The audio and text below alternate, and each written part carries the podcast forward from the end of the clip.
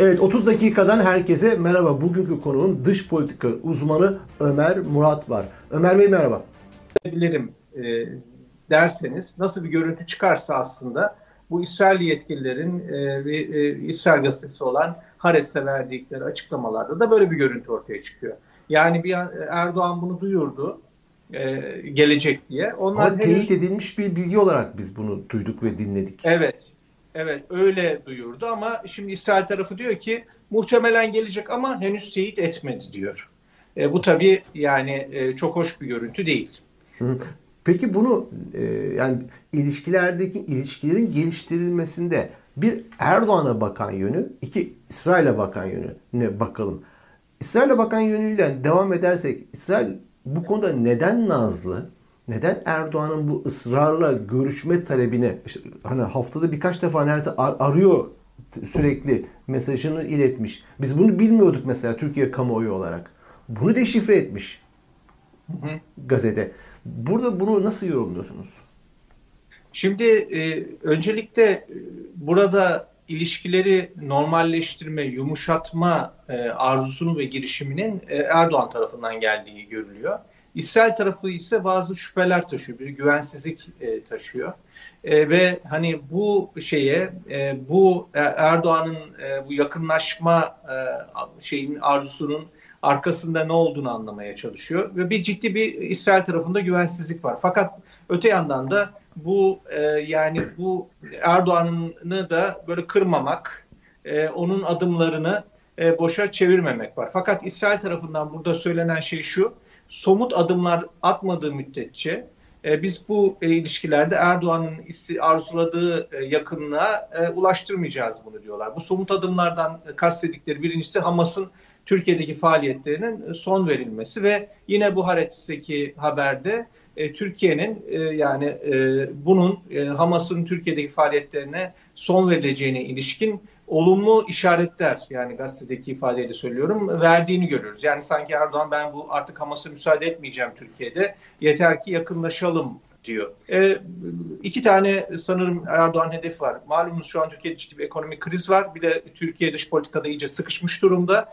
Erdoğan'ın birinci hedefi yani Biden e, göreve geldiğinden bu yana e, Erdoğan'a çok mesafeli yaklaşıyor. Malumunuz Eylül ayında yaşananları, oraya ne büyük ümitlerle gitti. Hatta işte oraya varır varmaz Brüksel'de biz pek çok konuda fikir birliğine vardık dedi. Ayrılırken de ya ben hiçbir ABD başkanıyla e, böyle olmamıştı. Yani Biden'la kötü başladık dedi orada görüşemeyince. Yani Biden böyle bir... hala da yüz vermiyor.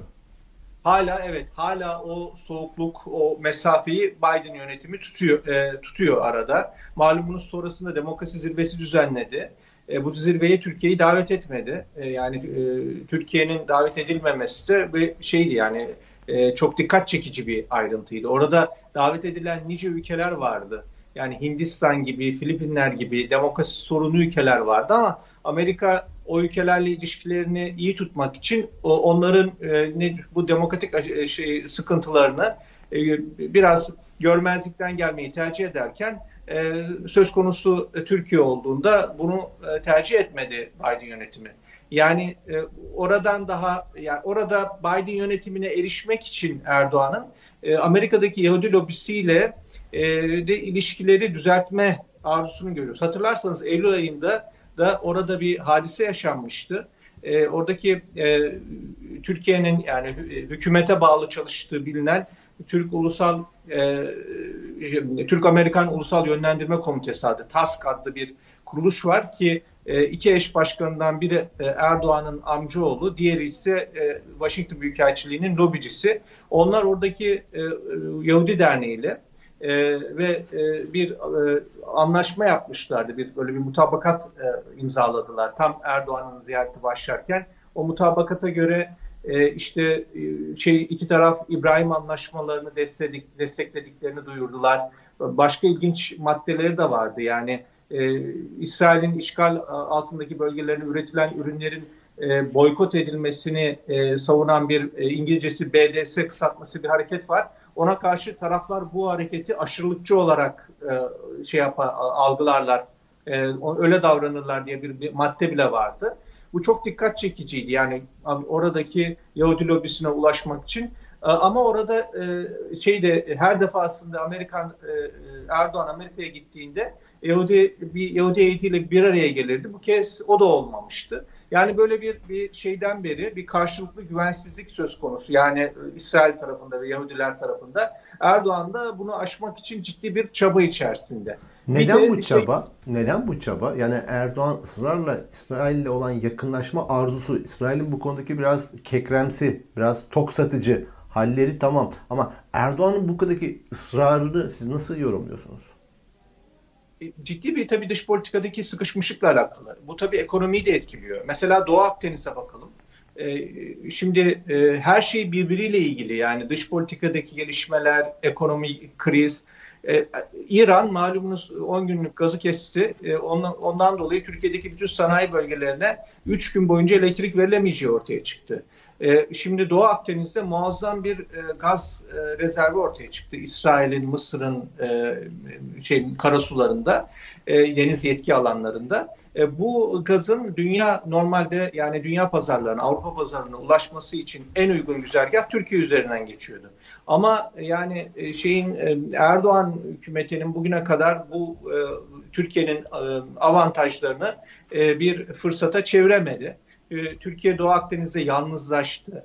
İsrail, Mısır, Yunanistan, Güney Kıbrıs birlikte orada baya bir e, şey ortaklaşa girişimler yürüttüler. O gazın dü, e, dünya pazarlarına ne şekilde ulaştırılacağına ilişkin dünyadan da Amerika'dan, Avrupa Birliği'nden destek aldılar. Yani Erdoğan hükümetinin e, yaklaşımı şuydu. Hem Mısır'la ilişkiler bozuk, hem İsrail ilişkiler bozuk. Yunanistan ve Güney, Güney Kıbrıs'ta zaten e, şeyi olan e, e, devamlı sıkıntılı olan ilişkiler söz konusu. Yani ben burada avantajlı konuma sahip olan benim, siz nasıl olsa benim kapıma geleceksiniz tarzı bir yaklaşım sergiledi ama kimse kapısına gitmedi.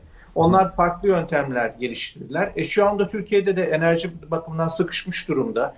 Yani Rusya ile yapılan enerji anlaşmalarının e, e, geçmişe oranla daha kısa e, enerji teminini sağladığını görüyoruz. İran'dan e, alınan gazda sıkıntı olduğunu görüyoruz. Yani burada bu gazın Türkiye üzerinden e, alınması bir başka mesele. Burada tabii İsrail çok kritik bir rol oynayacak. Bu an bundan dolayı İsrail'i yanına çekmeye çalışıyor. Ama yine o Haaretz haberinde İsrail çok açık bir mesaj veriyor. İsrail yetkililer. Biz diyor Yunanistan ve Güney Kıbrıs'ta da temas halindeyiz ve onlarla ilişkilerimiz rağmına yani Erdoğan hükümetiyle ilişkilerimizi düzeltmeyiz. Yani bu artık bundan sonra olursa böyle bir e, yani onların da razı olacağı e, çerçeve ve projeler içerisinde oluruz mesajı da veriyor. Şimdi bir taraftan e, şimdi o Hares'teki yorumda Erdoğan'ın İsrail'e yanaşmasının ekonomik sebeplere bağlıyor. Biraz önce size bunu vurguladınız. Yani batan geminin kaptanı İsrail'e yanaşma arzusu bir artık bir çıkmaz sokağın ifadesi mi? Evet, ya orada çok bariz bu zaten öyle de algılanıyor. Yani İsrail'den ya niye şu an Erdoğan böyle 2-3 haftada bir Cumhurbaşkanını arıyor? İşte e, bir göreve seçildiği için tebrik etmek için arıyor.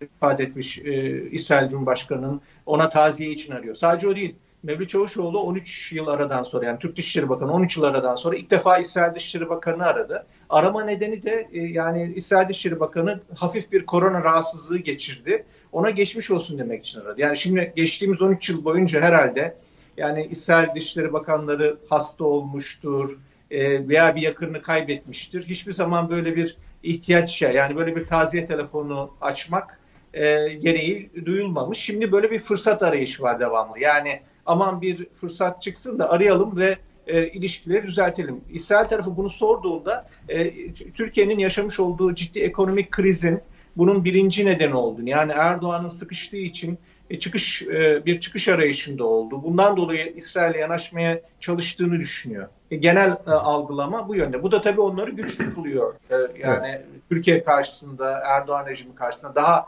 e, talepkar kılıyor. Erdoğan rejimini daha işte tavizkar hale getiriyor. Biraz önce Hamas'la alakalı bahsi e, girmiştiniz ama şimdi burada İsrail'de e, bu yazıda haber yorumda Hamas'la alakalı İsrail'in taleplerini yerine getirdiğini ifade ediyor Erdoğan'ın. Ne tür taleplerse bu talep şunu diyebilir miyiz? Erdoğan sıkıştı Hamas'ı sattı. denebilir mi? Şimdi yani görüntü o yönde. Ama yani bu aslında e, genel olarak e, hatırlarsanız 2020'de İbrahim anlaşmaları oldu. E, İsrail ile Birleşik Arap Emirlikleri başta olmak üzere e, bazı Arap ülkeleriyle. Erdoğan buna şöyle tepki vermişti o zaman. E, yani e, Abu Dhabi'den büyükelçimizi çekeriz. Filistin davasını e, satmadık, sattırmayız ki falan gibi böyle bir tepki verdi. Yani Abu Dhabi'den büyükelçi çekeceğinden bile bahsetti. Yani sert bir tepki verdi. E, oysa bu e, iki ülke arasında İsrail ile Birleşik Arap Emirlikleri arasında ekonomik ve e, turistik ilişkilerin gelişmesine yol açan bir şeydi ki zaten Türkiye'nin de öyle ilişkileri vardı. Yani tepki çok garipti ama böyle Erdoğan'ın kendi tabanına e, seviyor böyle dayılanmalar. Özellikle İsrail söz konusu oldu. Ama üç ay sonra birden çark etti ve dedi ki bizim İsrail ile istihbari ilişkilerimiz hiç zaten kesilmemişti ki dedi. O da e, orada da kalmadı. Yani e, şeyden e, büyükelçi çekileceği söylenen Abu Dhabi'de o malumunuz e, Birleşik Arap Emirlikleri Veliaht Prensi e, Türkiye'de ağırlandı ve öyle bir ağırlanma ki e, şey gibi oldu yani e, devlet yani sanki devlet başkanıymış gibi ağırlandı. Veliaht Prensi olduğu halde. Yani burada e, şeyin e, Erdoğan'ın e, bu konuya olan yaklaşımında ciddi bir böyle 180 derece bir şey bir U dönüşü söz konusu ve Hamas'ın Türkiye'deki faaliyetlerine son verilmesi de bunun bir parçası gibi gözüküyor. Yani bu İsrail e, bu haberde açıkça e, Türkiye'nin bu konuda kendilerini memnun eden adımlar atmakta olduğunu söylüyor. Evet, e, ilginç bir sürece girdik. İsrail biraz nazlı davranıyor. Erdoğan bu konuda ısrarlı haftada birkaç defa İsrail Cumhurbaşkanı'nı arıyor. Ama İsrail henüz görüşmeye dair bir teyit vermiş değil. Bunun da analizini biraz önce yapmış oldunuz. Evet teşekkür ediyorum Ömer Murat bu değerli bilgileri bizlerle paylaştığınız için.